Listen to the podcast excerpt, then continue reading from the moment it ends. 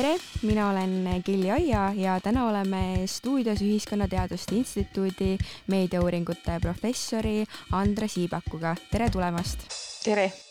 tänases podcastis räägime platvormiseerumisest, andmestumisest ja sotsiaalmeedia loogikast. Öeldakse, et me elame platvormide ühiskonnas. mida see tähendab?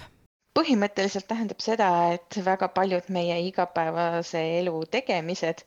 on hakanud tuginema kõikvõimalikele erinevatele platvormidele ehk suurtele korporatsioonidele, kes pakuvad meile tehnilist tuge erinevate asjade tegemiseks. näiteks siis äh, pakuvad meile äh, majutusteenuse võimalust, pakuvad meile transporditeenuse võimalust, pakuvad meile hariduslahendusi või pakuvad meile suhtlemisvõimalusi, et äh, väga paljud kahekümne esimese sajandi teenused ongi kogu, kogunenud kuhugi veebi ja erinevatele platvormidele, just seda see platvormiseerumine endast tähistabki mm. -hmm. kuid äh, rääkides äh, platvormiseerumisest, on oluline rääkida ka sotsiaalmeedia loogikast. mille alusel sotsiaalmeedia loogika toimib ja mis see üldse on? sotsiaalmeedia loogika iseenesest on selline, selline termin, mille siis äh, ideega püütakse edasi anda äh, seda, et kõikvõimalikud sotsiaalmeediaplatvormid toimivad siis selliste kindlate üles ehitatud põhimõtete järgi ja neid peamisi põhimõtteid on siis eh, neli tükki ja esimene neist on, on selline, mis on tegelikult meile kõigile teada tunda juba nii-öelda traditsioonilisest meediast, klassikalise ajakirjanduse ajastust. Ja sellele nimetuseks on siis programm, programmeeritavus. Ehk et äh, viidatakse sellele, et, et äh, on siis mõned kasutajad ja ka platvormid ise, kes saavad programmeerida siis seda sisu täpselt selles järjekorras, mida me näeme, kuna me näeme, kellele meile äh, midagi näidatakse ja mm, sotsiaalmeediakeskkondade puhul on programmeeritavuseks eelkõige siis algoritmi, algoritmide poolt juhitav sisu. ehk et algoritmid suunavad seda, kellele midagi näidatakse ja mida näidatakse. aga mingisugune selline programmeerimise eh, võimalus on ka igal kasutajal endal, juhtides siis pisut seda, eh, kellele ta midagi näitab ja ja millest ta üldse postitusi teeb. et kui klassikalises ajakirjanduses siis eh, seda programmeeritavust nii-öelda suunasid eh, toimetajad ja suured eh, meediakorporatsioonid juhtisid seda siis nii-öelda eliidipõhiselt, siis sotsiaalmeediaplatvormidel on nii-öelda väikesel kasutajal mutri tasemel kasutajal ka pisut võimalust seda sisu ja voogu mõjutada aga tõepoolest siis ainult pisut. Ja sotsiaalmeedia loogikal on ka siis kõikvõimalikke muid olulisi komponente, üheks näiteks on siis äh, selline äh, nii-öelda ühildavuse aspekt, äh, kus siis sisu viiakse kokku siis kasulike, kasulike kasutajatega. Et ühest küljest siis äh, sotsiaalmeedia platvormid müüvad oma kasutajaid erinevatele reklaamiandjatele ja kuna, kuna kasutajaid on seal tohutus koguses ja kasutajate poolt jäetud andmeid on tohutus koguses, eh, siis on reklaamiandjatele see selline hea platvorm, mille kaudu inimesteni jõuda. Ja, ja tõepoolest, kuna kasutajad jätavad siis enda käitumisega ja postitustega maha endast erinevaid andmeid ja andmejalajälgi, siis sotsiaalmeedia üheks loogika alustalaks muutub siis ka just see äh, andmestumise aspekt ehk et tõepoolest siis meie andmejalajäljed hakkavad mõjutama seda, millist äh, millist sisu meile siis näiteks näidatakse, olgu see siis reklaamid või, või, või ka tõesti teiste kasutajate postitused. Ja, ja nende samade andmejalajälgede põhiselt siis hakatakse neid kasutajaid ka profileerima ja nii-öelda pakendama sobivateks inimtüüpideks, eh, keda siis järjekordselt näiteks reklaamiandjatele sobivalt ette sööta. ja viimaseks alustalaks seal sotsiaalmeedia loogikas on siis eh, tegelikult eh, populaarsus, mis ühest küljest jälle sotsiaalmeedia keskkonnas võib öelda, et see on väga selline tore platvorm, kõigil on justkui võimalus oma arvamust öelda ja kõigil on justkui loodud hääl. Ja, ja see sotsiaalmeedia annab siis selle toru nii-öelda, milles seda häält kuuldavaks teha, aga teisest küljest jällegi ilmneb sotsiaalmeedias väga selgelt, et, et kasutajad ei ole teps mitte võrdsed. Ja, ja need kasutajad, kes on siis juba populaarsemad või siis kelle häält on võimalik erinevate tehniliste abivahendite toel niimoodi rohkem kuuldavaks teha, jõuavad ka suurema auditooriumini. Ja need tehnilised abivahendid siis võivad olla tõepoolest näiteks äh, botid, sellised äh, tehnilised Eh, abivahendid, mis võivad siis eh, võimendada eh, kas, kas kasutaja populaarsust või, või temale postitustele antavat likeide hulka või siis see kasutaja populaarsus võib siis ka teiste inimeste toel niimoodi tõusta, olgu selleks siis näiteks suunamudijad, kellel on tohutus koguses jälgijaid või siis ka eh, noh, erinevad trolliarmeed, kes aitavad eh, oma, eh, oma kommentaaride ja, ja reaktsioonidega siis mõningaid postitusi või mõningaid kasutajaid siis rohkem seal, seal uudisvoos esile tõsta et need on need põhi, põhisotsiaalmeedia loogika äh, aluspunktid siis, kuidas äh, just sotsiaalmeedia platvormidel see struktuur on äh, üles ehitatud aga tegelikult sotsiaalmeedia loogika põhineb hästi palju ka ju tavalise meedia loogikal ehk siis selles üldisel meedia loogikal. kuidas, mis on need kõige suuremad erinevused, kui sa tooksid mõned välja, et kuidas siis tavaline meedialoogika erineb sotsiaalmeedia loogikast? no siin eelkõige ongi vast see erinevus, et, et eh, tavameedia eh, loogikal nii-öelda jäi siis mulje, et kõik otsused on ära tehtud sellise väikese eliitse pundi poolt, olgu selleks siis toimetajad või konkreetse meediamaja Eh, juhtkond, kes ütlesid, et eh, kuidas peab olema ja millist sisu me jagame, eh, siis sotsiaalmeedia puhul võib võib-olla kohati nagu illusoorselt jääda see mulje, et, et tavakasutajal on ka tegelikult mingisugune roll ja võim mõjutada, mõjutada seda sisu ja mõjutada oma uudisvoogu. et osaliselt tõepoolest see võim ja õigus tal on, aga,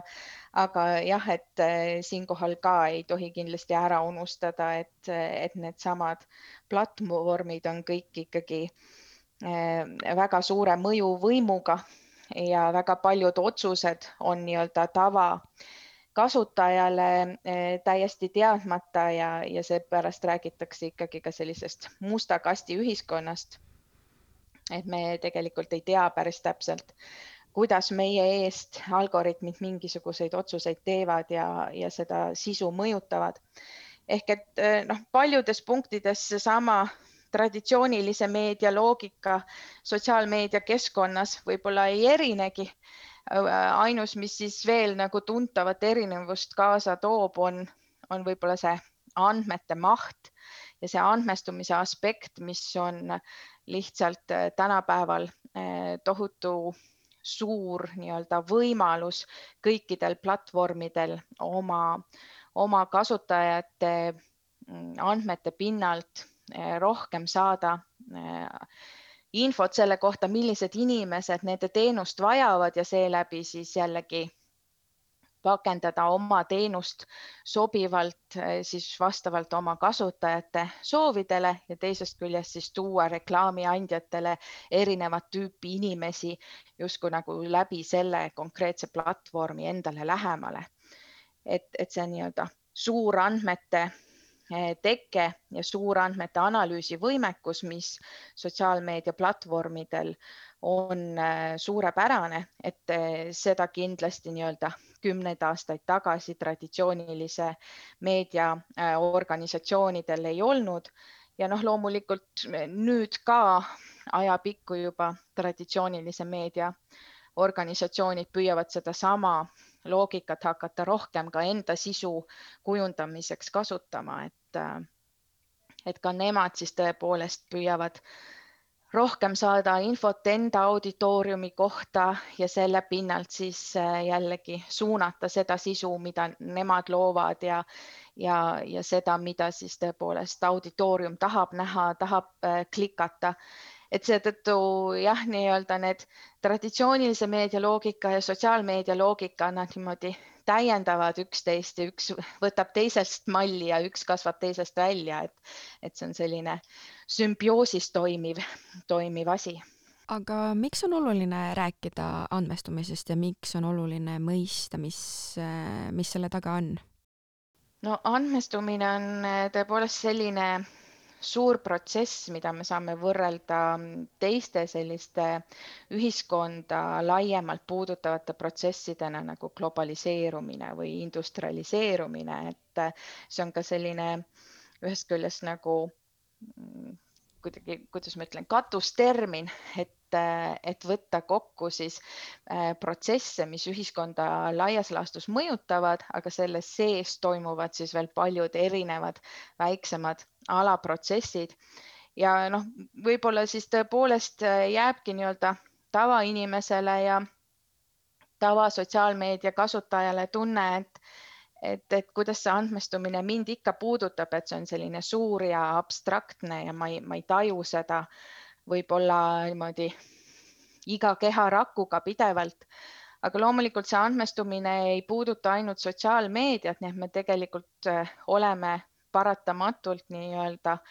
saanud äh, osaks sellisest andmestunud ühiskonnast, nagu tänapäeva ühiskonda äh, siis nimetatakse. et lihtsalt kõik need tegevused, mida me igapäevaselt teeme, olgu selleks siis äh, Äh, ma ei tea, poes, äh, poes käies oma kliendikaardi läbilaskmine sealt süsteemist, et me saaksime soodsamat, soodsamat hinda kaupadele, mida me ostame või olgu see siis Facebookis mingisuguste reaktsioonide panek või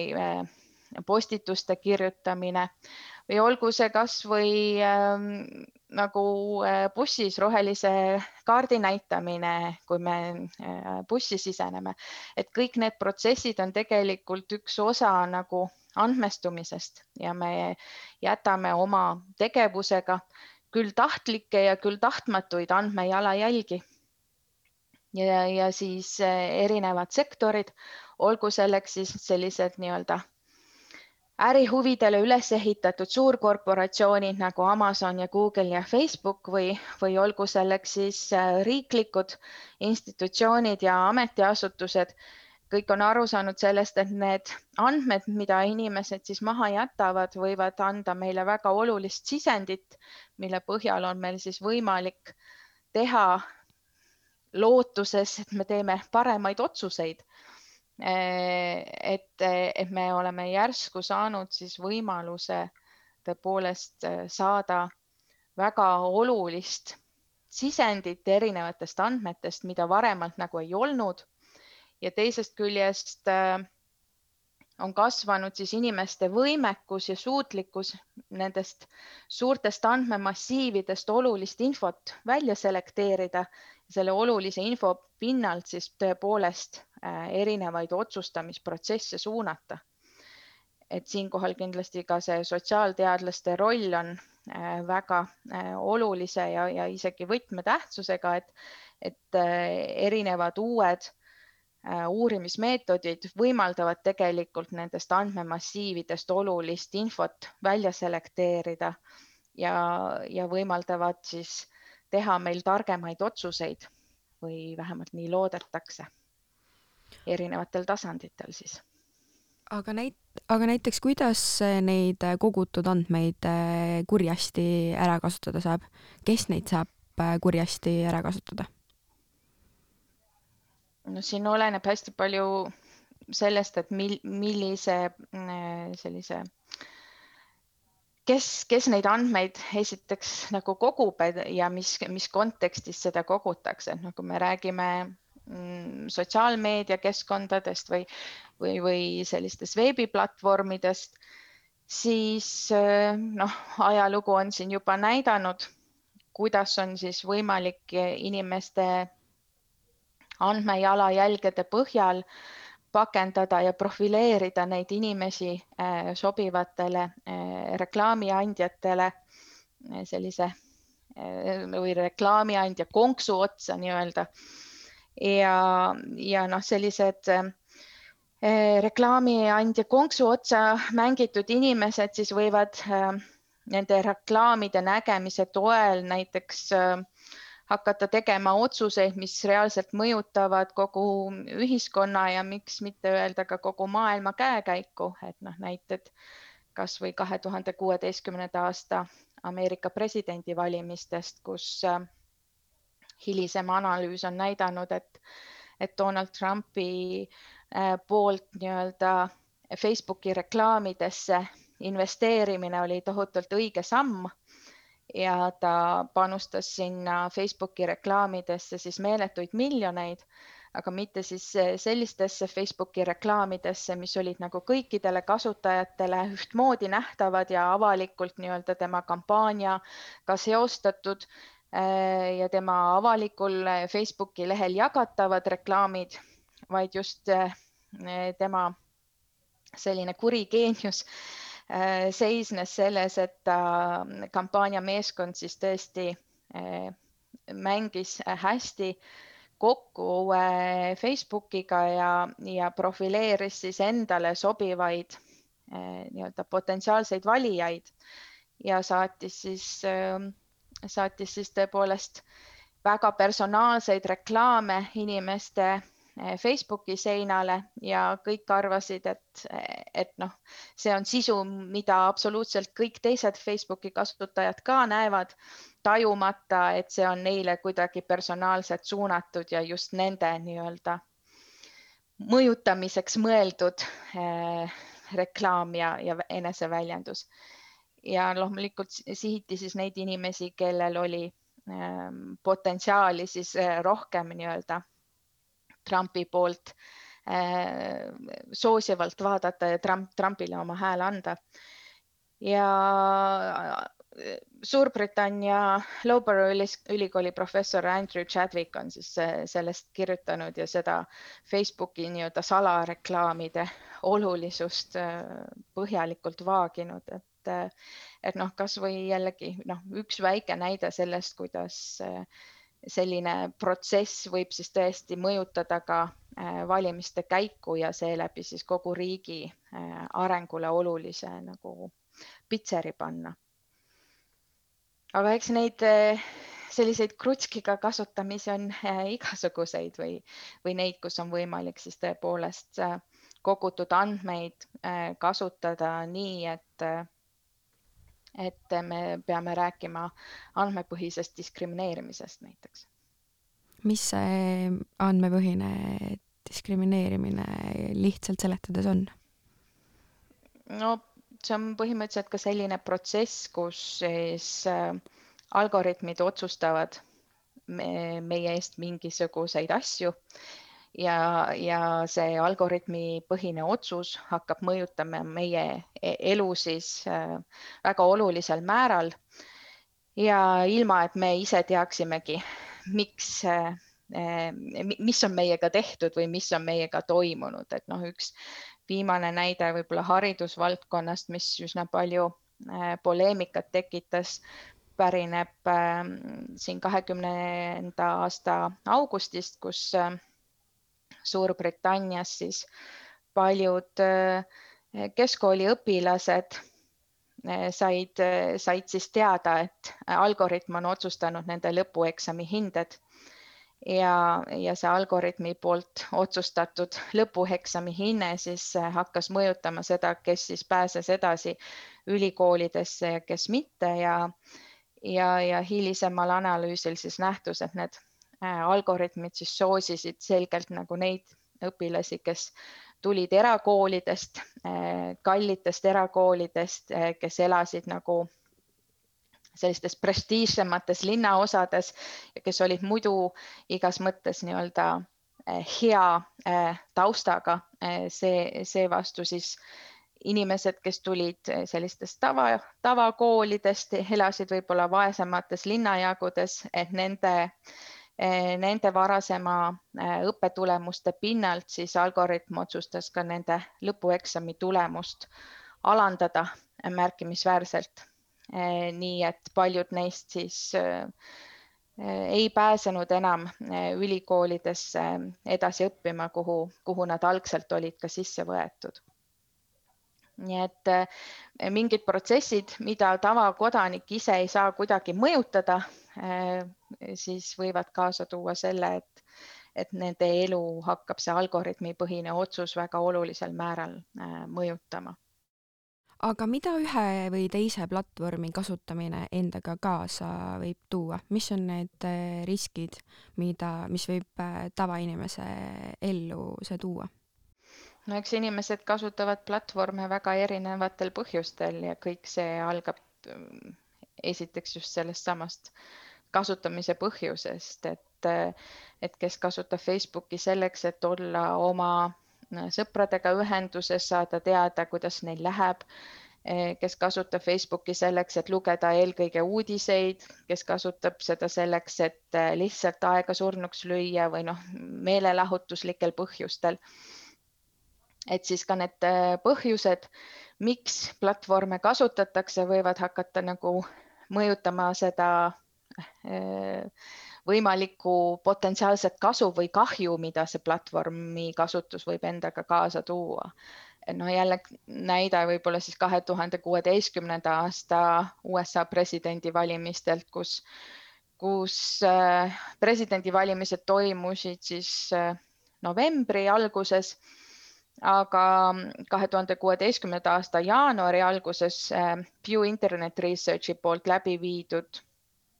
ulatuslik äh, küsitlus näitas, et enam kui kuuskümmend protsenti ameeriklastest siis äh, saab oma igapäevase infovoo kätte just sotsiaalmeediast.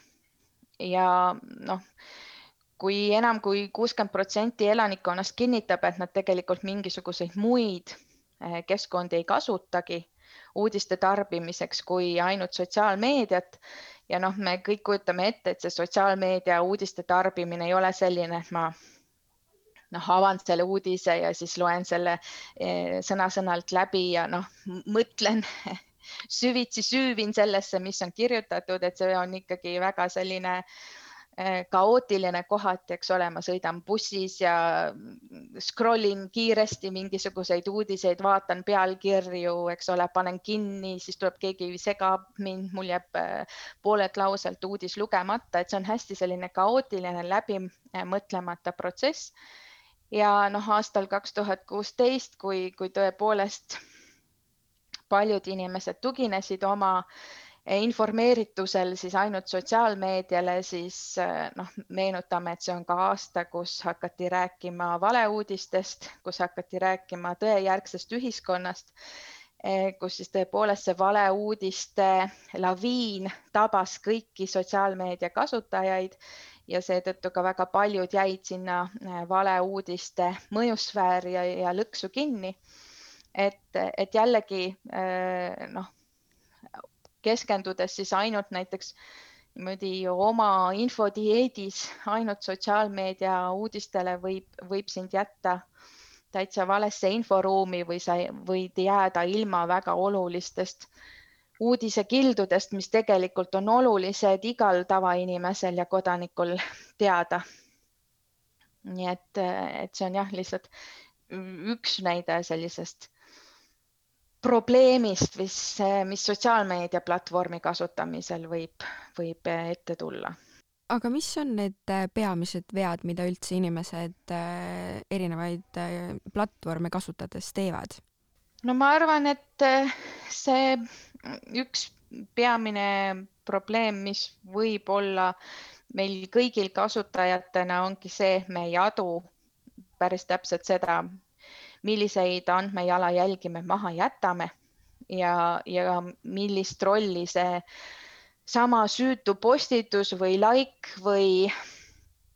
või, või kellegi äh, pildi kommenteerimine võib äh, kaasa tuua mingis hoopis teistsuguses kontekstis. et me tihtipeale esiteks ei, ei adu seda sama nii-öelda inim, inimpõhist auditooriumi kogu selle suuruses ja laiuses. Äh, ja me ei taju seda kontekstide kokkukukkumist, mis sotsiaalmeedias meid tabab. Ehk et eh, tõepoolest, kui me mõtleme ka iseenda nagu mm, nendele sõbranimekirjadele või kontaktide nimekirjadele, kes meil sotsiaalmeedias on, siis tihtipeale need ei ole ju eh, ühte tüüpi inimesed, vaid need on väga erinevat sorti inimesed. ja nad teavad kõik meist erinevaid asju ja on harjunud meiega suhtlema erinevates keskkondades. Ja, ja me suhtleme loomulikult erinevalt sotsiaalmeedias äh, võrreldes sellega, kui me suhtleme nagu näost näkku näiteks oma pereliikmetega või oma töökaaslastega või, või oma äh, ammuste lapsepõlvesõpradega, et kõik need inimesed teavad meist erinevaid asju ja kui nad kõik on sinna sotsiaalmeediasse järsku meie sõpradeks saanud, siis me peame suutma genereerida sisu, mis justkui nagu kõigile neile oleks äh, vastuvõetav ja, ja, ja ühtmoodi arusaadav. aga, aga loomulikult siis äh, me kipume ära unustama mõningaid, äh, mõningaid neid auditooriumi liikmeid, kes igapäevaselt võib-olla ei, ei ilmu sinna meie uudisvoos nii sageli, kes ei like'i meie postitusi ja kes ei, ei kommenteeri neid. et, et seetõttu me alahindame seda auditooriumi suurust ise postitusi tehes.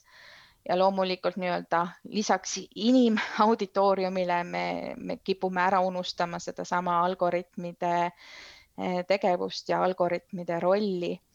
Ja, ja seda, kuidas siis tõepoolest meie jäetud sisuga võib seesama platvormi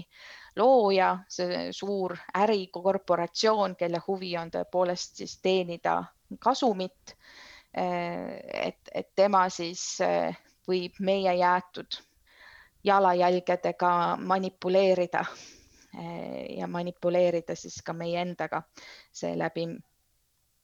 et, et see kipub olema see domineeriv äh, asi, mis, äh, mis meil kõigil kipub meelest ära minema ja, ja teisest küljest vist ka see, et noh, paljud ütlevad, et ja mis siis, et äh, et noh, las nad siis vaatavad, et ma olen täiesti tavaline normaalne inimene mul ei olegi midagi varjata, et noh, kõik, kõik on minu poolt täiesti okei okay,, et, et me ei tunneta seda andmestumise jõudu võib-olla oma igapäevases toimimises veel hetkel nii palju, kui ta, kui ta tegelikult niimoodi salamahti on meie ellu hakanud tekkima just siin viimasel kümnendil ja, ja just viimasel viiel aastal eriti selgelt. et kuna me seda andmestumist oma nahal ei, ei taju, ta on selline täiesti niimoodi nähtamatult meid ümbritsev, et siis see tekitab ka sellist äh, ma ütleks isegi kergemeelset suhtumist selle andmestumise tõsidusse ja selle äh, potentsiaalsetesse ohtudesse, aga ka võimalustesse muidugi. aga kuidas mina tavainimesena saaksin äh, paremini silma peal hoida sellel, mis andmeid ma endast maha jätan? ma ütleks, et kõige olulisem ongi alustada sellest teadvustamisest et see on äh, oluline ja et see tegelikult ka võib hoopis mõnes teises kontekstis hakata meie elu suunama või, või mõjutama. et noh, näiteks need ütleme näiteks fotod, mida ma Facebooki postitan, võivad hakata mõjutama seda, kas mind tööintervjuule kutsutakse või ähm, fotod sellest, kuidas ma, kuidas ja kus ma veedan oma ähm, suvepuhkuseid või äh, info selle kohta, millise autoga ma sõidan ja millises ähm, korteris või millises majas ma elan, et see kõik võib hakata mõjutama seda, kas mulle pank laenu annab või, või millist äh, elukindlustust mulle on äh, võimalik pakkuda et, et jah, New Yorgi ülikooli professor Helen Nissenbaum on eh, seda nähtust eh, tõlgendanud ja pakkunud välja sellise termini nagu eh, kontekstuaalne terviklikkus. Ja see on just see, mis siis nagu kipub nii-öelda sotsiaalmeedia kontekstides noh, meelest ära minema ja mille vastu siis ähm, ka tihtipeale astutakse. et äh, meie teeme oma postitusi heas usus, et see jääb sinna sotsiaalmeedia keskkonda, täpselt sinna, kuhu me oleme ta pannud nii-öelda oma sõpradele, oma kontaktidele äh, jagamiseks, on see postitus, on see foto aga siis äh, tihtipeale võetakse seesama postitus või foto ja kasutatakse sealt tulnud infot, neid andmeid hoopis mingis teistsuguses kontekstis ja, ja tihtipeale siis võib tuua kaasa hoopis meile neid tagajärgi, mida me ei ole osanud ette näha või, või, või pigem nagu jah, võib kaasa tuua siis mingeid negatiivseid tagajärgi. aga mida sa soovitaksid äh, kõigile inimestele, kes kasutavad mingeid äh, sotsiaalmeedia platvorme mis on see näiteks üks asi, mida eh, silmas pidada? no kõige loogilisem soovitus on see, et käitu sotsiaalmeedias nii, nagu sina tahad, et sinuga käitutakse sotsiaalmeedias ja niisama silmast silma äh, kontekstis, et äh, ära tee neid asju sotsiaalmeedias, mida sa ei teeks äh, silmast silma kontekstides ja nii-öelda tavaelus, jutumärkides tavaelus. Ja, ja kindlasti noh, ole teadlik nendest erinevatest protsessidest, mis, mis neid äh, platvorme tegelikult elus hoiavad, mis need äh, platvormid on aidanud luua ja on aidanud muuta nad nii edukaks. Ja, ja noh see, et eh, Facebook ja Instagram, Whatsapp või, või mis iganes muud sotsiaalmeediaplatvormid on nii mõjuvõimsad, ongi ju tänu sellistele kasutajatele nagu meie kõik ja tänu sellele, et me veedame nendel platvormidel ikkagi väga-väga palju aega, nad on muutunud meie elu lahutamatuks osaks ja, ja me ei saagi tihtipeale ilma neid kasutamata enam hakkama. ja tänu sellele siis just see, et me veedame seal nii palju aega, tähendab ka seda, et me jagame nendega hästi palju privaatset infot ja tihtipeale ka sellist infot, eh, mida me ei jaga kõige lähematemate sõprade ja, ja pereliikmetegagi ning loomulikult kõik needsamad suurplatvormid võtavad selle info tänuga vastu ja, ja kasutavad seda siis oma eesmärkide realiseerimiseks. ehk et seesama ütlus, et kui, kui mingi teenus on tasuta, siis sina oled see kaup, mida müüakse, eh, on, on just ikkagi see, mis sotsiaalmeedia puhul tasub meelde jätta ja ja, ja seetõttu tasub ka oma igasugused postitused ja, ja kõik muu mm, jälg, mis me sotsiaalmeediasse teeme, väga kriitiliselt läbi mõelda, et, et kas, kas, kas me tahame see kaup olla ja kas me tahame endast just sellist äh, muljet jätta suur aitäh sulle väga põhjaliku ülevaate eest. tänases podcastis rääkisime platvormiseerumisest, andmestumisest ja sotsiaalmeedia loogikast. aitäh!